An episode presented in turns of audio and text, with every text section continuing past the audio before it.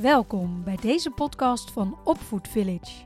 Ik ben Saskia en samen met Meike gaan we het met je hebben over al onze opvoed fuck-ups die we dagelijks maken als moeders.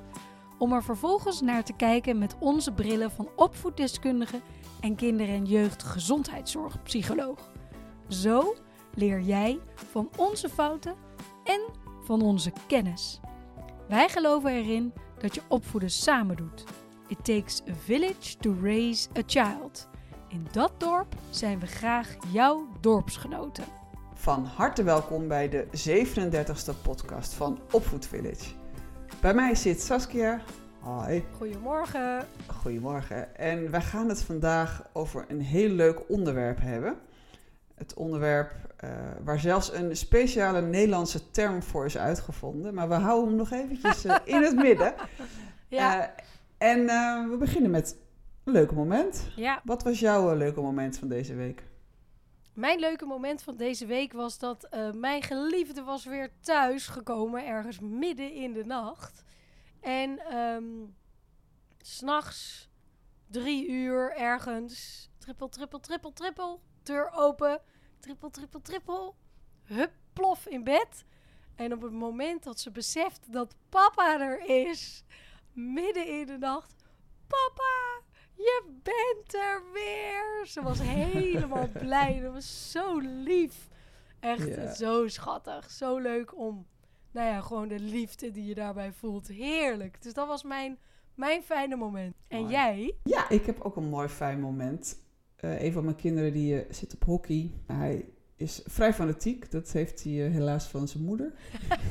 ik was ook altijd vrij fanatiek. Ja, mooi. Maar wat hij daarbij heeft, en dat was iets wat ik als kind niet zo goed kon, omdat mijn Mhm. fanatisme dan de overhand nam, is dat hij ook super sociaal is. Ah, Dus hij doet er van alles voor om de bal af te pakken. Dus daar zal hij ook echt wel eh, eh, soms een schouderduwtje voor uit, delen. uitdoen, uitdelen.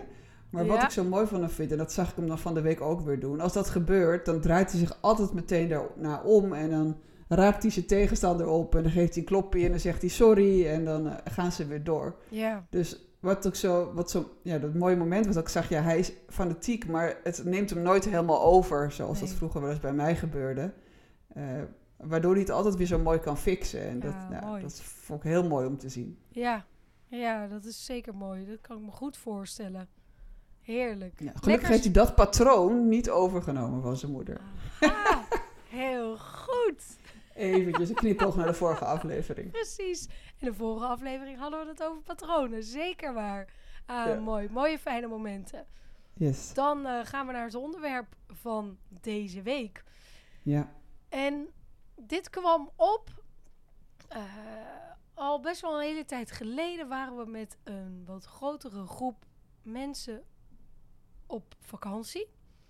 Mhm. En daar gebeurde iets, of er werd in ieder geval iets voor de kinderen gedaan. En iemand zei: Ja, maar dan moeten we wel voor allemaal hetzelfde hebben. Oeh. Wa- wat waarvan waarschijnlijk nu heel veel ouders aan de andere kant van de lijn denken: Oeh, ja, dat klopt. Want anders heb je hommeles in de tent. Hè? Want die heeft een andere en ik wil dat. En nou, iedereen kan zich voorstellen welke problemen daarbij zouden kunnen ontstaan. Ja. Dikke Waarom- vette teleurstellingen bij de kinderen. Teleurstellingen, ja. Oeh. Maar waarop iemand anders uit het gezelschap zei: Nee, nee, dat gaan we dus niet doen. We gaan onze kinderen wel leren om om te gaan met teleurstellingen. En toen dacht ik: Wauw, spijker op zijn kop. ja. Want waar hebben we het vandaag over? Over curlingouders. Yes. Hè, de legendarische term van juf Ank uit de Luizenmoeder. Voor een ouder die zijn kind voor elke mogelijke teleurstelling in het leven wil behoeden. Hè, een ouder die de weg schoonpoetst, zodat zijn of haar kleine prins of kleine prinses er rustig overheen kan glijden naar een soepel, zorgeloos leven. Ja. Maar ja, zo werkt het leven niet. Nee, laten we zeggen, niet altijd in ieder geval. Nee, het, kan, altijd. het kan een tijdje meezitten, maar op een Ja. gegeven moment eh, komt er altijd weer een hobbeltje. Ja, de curlingouder. En ik vind het een mooie...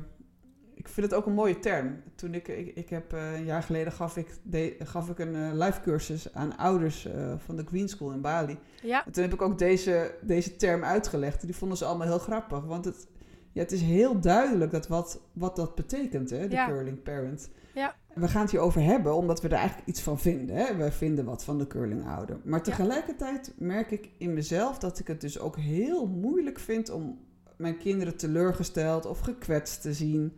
En het zo te laten. ja zeker. Want dat is het. Ja, Hè?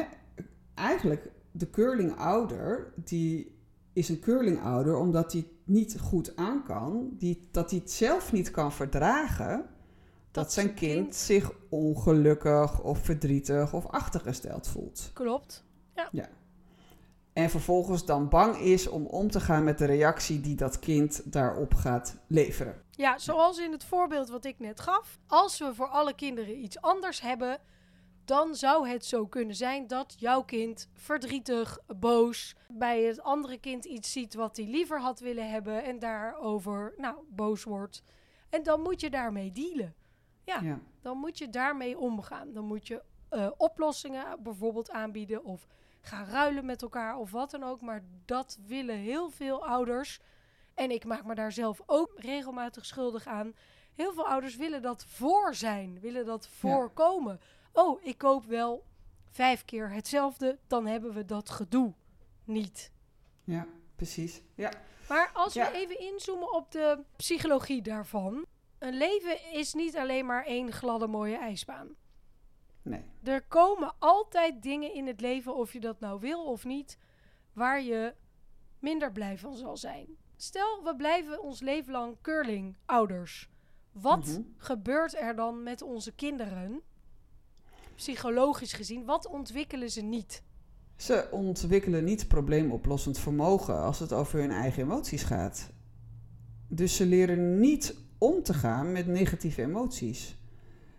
En dat is op de lange termijn wel echt eh, nou ja, schadelijk, zou ik bijna willen zeggen. Ik ben over het algemeen vrij voorzichtig met dit soort termen. Ja, weet ik. Maar als je maar alles blijft oplossen voor je kind, Dan kunnen ze het later niet zelf. kunnen ze het later niet zelf.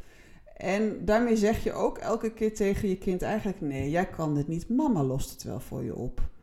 Of nee, jij hoeft je niet zo te voelen. Hè? Dus wat je dan ook soort krijgt bij kinderen is een soort entitlement van ja, ik hoef geen ongemak te voelen, ik hoef het niet lastig te hebben in mijn leven. Voor mij moet alles opgelost worden. Ja. Hè, ik heb een probleem, ja, ik voel me er rot over, maar jij moet dit voor mij fixen, want jij zorgt ervoor dat ik me zo voel. Ja. Hè, dat krijg je dan. En de- ik denk dat we het er met z'n allen nu meteen over eens kunnen zijn dat dat niet is wat we willen. Nee, en dat willen die curlingouders natuurlijk ook niet uiteindelijk. Maar die weten misschien dit nog niet. Dus die weten niet dat als je alles maar weg blijft poetsen, dat het op de lange termijn schadelijk is. Want, eh, kijk, als we klein zijn, kleine mensen, dan hebben we kleine teleurstellingen. Bijvoorbeeld, we krijgen niet hetzelfde snoepje. Ja. Of we hebben niet hetzelfde speelgoedje. Ja. Eh, maar als mama dat dan meteen gaat wegpoetsen en zegt: nee, neem dan toch ook maar dit snoepje. Of oh, ik ga het wel voor je kopen. eh, dan, dan leren kinderen niet die emoties. Maar later in het leven je, je studeert af, je wordt, ik gaat solliciteren, maar je wordt niet aangenomen voor die baan. Eh, Mm. Hoezo? Hoezo word ik niet aangenomen? Ja. Ik heb toch mijn best gedaan en dan hoorde ik daar toch voor aangenomen te worden. Of eh, je baas doet lullig tegen je. Of, eh, nou goed, wat, wat voor dingen... Je relatie maakt het uit, terwijl je dat zelf nog niet wilde. Hè, er zijn eigenlijk voortdurend dingen die we allemaal mee gaan maken in ons leven... waarmee je een soort van adequate coping nodig hebt. Ja, dat wil je ze meegeven. En dat klinkt raar dat dat misschien begint bij verschillende soorten snoepjes. Ja. Maar dat zijn wel in de jongere fases van onze kinderen, zijn dat wel de teleurstellingen waarmee je de basis legt hoe ze daarmee omgaan later in het leven. Ja, en wat ik dan wel veel ook op Instagram zie, dan eh tien, manier, tien manieren om, geen, eh, om nooit nee tegen je kind te hoeven zeggen. Hè? En Ja. aan de ene kant snap ik dat, want nee is vaak ook een soort bommetje die je meteen legt op je kind. Dus ja, soms is het handig om net even wat andere woorden te gebruiken. Maar wat je eigenlijk daarmee eh, wel cultiveert, is dat ouders eigenlijk niet meer dingen gaan weigeren aan hun kinderen. Of niet meer gaan zeggen, hé, hey, het mag niet. Omdat ze hun kinderen niet willen teleurstellen. Of omdat ze de reactie van hun kinderen ingewikkeld vinden. Hangt samen inderdaad hiermee. Curlingouders zeggen geen nee. Maar ga dat maar wel doen. Kijk, we zijn als ouders en opvoeders, zijn we er wel ook om de piketpaaltjes te slaan voor onze kinderen. Ja. Tot hier en niet verder. Dit zijn de grenzen. Dit mag wel en dit mag niet. En er zijn gewoon momenten waarop je, waarop nee gewoon het enige juiste en direct duidelijke antwoord is. Ja, want met die verschillende manieren om geen nee te zeggen, hebben we ook de neiging om er een beetje omheen te gaan draaien. Ja, En nou doe ik het zelf ook, hè, want eh, het is heel goed om eerst de emotie van je kind te benoemen en dan hè, vervolgens zeggen wat wel of niet mag. En meteen nee erin rammen werkt ook heus niet altijd. Maar waar het om gaat is dat we niet ons kind willen kwetsen. Mhm. En ik denk dat we daar wel van af moeten, want eigenlijk het is niet onze taak als ouder om ons kind volledig gelukkig te maken. Dat Nee. klinkt wel moeilijk, maar het is, wij zijn niet verantwoordelijk voor hoe gelukkig ons kind zich voelt. nee. En een kind zal zich ook nog eens gelukkiger voelen als hij een gereedschapskist vol met handige vaardigheden heeft, waarmee hij wel een oplossing kan bedenken als er iets gebeurt Ja, en die dat Precies. heel graag anders zou willen. Daar heeft een kind veel meer aan en dat hij zich sterk voelt om zelf Ja. dingen te regelen. Daar doen we onze kinderen een veel groter plezier mee dan die tijdelijke teleurstellingen voorkomen. maar dat is dus je taak als ouder. Dus, dit, hè, dus nog even terug, het Ja. is niet je taak als ouder om je kind maar 24/7 gelukkig te laten zijn. Het is jouw taak als ouder dat je je kind Nee. voorbereidt op hoe om te gaan met allerlei verschillende aspecten van het leven. En, Ja. Dat is je taak. En daarmee heb je dus, als dat moeilijk is, wat het voor ons allemaal zo Ja. af en toe is, heb je te ontdekken of te leren of te zien wat er bij jezelf moet gebeuren, zodat je daar zelf mee Dus je bedoelt eigenlijk gaan. je eigen patroon hierin herkennen. Ja, Ja, daar komt het wel weer op neer. Ja, we zeiden het al aan het eind Ja. van die aflevering. Het is de vorige aflevering voor de, voor de liefhebber. Zeiden we al, hier is nog zo ontzettend veel over te vertellen. En dat is ook zo, want er zit dan een patroon. Ja, waarom jij het heel moeilijk vindt om te zien dat je kind teleurgesteld Ja. is. En dat wil je fixen. Maar dat is niet onze taak om alles. nee, nou, ik kan wel een voorbeeld van, mez- van mezelf ook geven, waarin ik het zelf dus ook vaak lastig vind. Onze oudste die heeft een clubje vriendinnen. En ze zit in groep 8 en die doen allemaal aan skincare. En die hebben al een skin routine. Oh, wauw. Ja, je hoort al naar hoe ik dit uitspreek, wat ik daar dus van vind. Want ik denk, ja, lievertje, jouw huidje is nog helemaal goed. Je hebt nog geen pukkels. We gaan er niet aan klooien. Nee. Laat de natuur zijn gang gaan. Je hebt het allemaal nog niet nodig.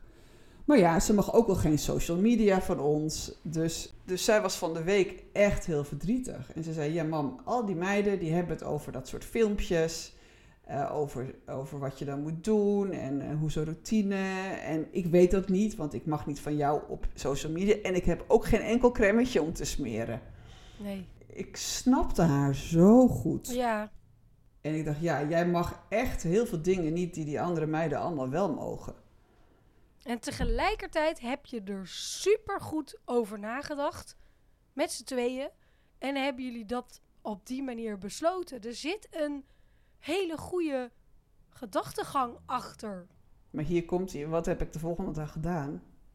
Heb je een pot Nivea voor de gekocht? Zo'n ik heb mooie een- blauwe pot. Die lekkere, al- dikke crème. Al lekker, die is lekker. Nee, ik heb wel een cremmetje gekocht dus. eh, maar ik heb wel met haar uitgezocht van dat er alle goede stoffen in zitten. En Ja. eh, van, hè? Dus ik dacht van oké, als we dit dan gaan doen, dan gaan we het vanaf het begin af aan goed doen. Ja, Dus daar een beetje awareness voor eh, eh, ja. kweken. Maar ik heb dus toegegeven. En nu denk ik wel, shit. Had ik dat dan weer niet moeten doen? Ik heb dan weer niet toegegeven op de social media. Want dat staat gewoon, nou, daar heb ik een afspraak over. Dat gaan we niet aan tornen. Ehm, Nee. Maar hier heb ik dus wel een beetje, omdat ik dacht, oh ja, arm schaap. Ja. Je hebt hè, ik ben er, laten we zeggen, ik ben, in de, ik ben erin gestapt. Van ja, je mag ook wel heel veel niet die andere mensen wel mogen. Ja, en dit is precies de moeilijkheid van dit onderwerp. Ja, Dit is precies waarom. Ja, tuurlijk. Je, heel vaak begrijpen we onze kinderen wel. Hè, we begrijpen waar ze vandaan komen. Of laat ik het anders zeggen, we kunnen begrip opbrengen voor dat ze iets graag willen. Hè, voor hun standpunten ja, ook. voor hun standpunten. Dat je denkt, ja, oh, precies wat jij zegt van... Ja, je mag ook heel veel niet wat anderen wel mogen. Ja, en dat, dus dat je het begrijpt en dat je inderdaad ja, gedeeltelijk overstag gaat. Ja, Ja, dit is zo moeilijk. Maar daarom denk ik, eh, want je zegt het even heel terloops, maar dat is denk ik wel een heel belangrijk ding. Social media staat als paal boven water. Daar wordt bij jullie niet aan getornd. En dat komt ook omdat jullie daar denk ik een hele heldere gedachtegang achter hebben waarom het niet mag. ja. En daarom blijft hij ook als paal boven water staan. En dat is natuurlijk het moeilijke als je het vergelijkt met bijvoorbeeld die snoepjes. Ja, eh, dan koop je een zak met alleen maar kikkers, dat ze allemaal dezelfde krijgen. Dat is niet zo belangrijk. Maar het is wel makkelijker voor je kind om daarmee te dealen, Ja, om te beginnen. ja. Daar begint het. En dan, Ja. tuurlijk, en dan later komen dit soort veel moeilijkere vraagstukken. Maar doe jezelf een plezier en begin met een snoeppot vol met verschillend snoep. Overal maar één van. Ja. Ja, ja. Maar nog even wat terug misschien over dat nee zeggen, hè? ja. Want dat schemert er een beetje mm, tussendoor. ja. Nee is voor een kind gewoon soms heel belangrijk en heel lekker duidelijk. En nodig. Ik gebruik het ook wel. Ja, natuurlijk. Kijk, soms denk ik, oké, het is nu niet handig als ik nu meteen mijn nee erin knal.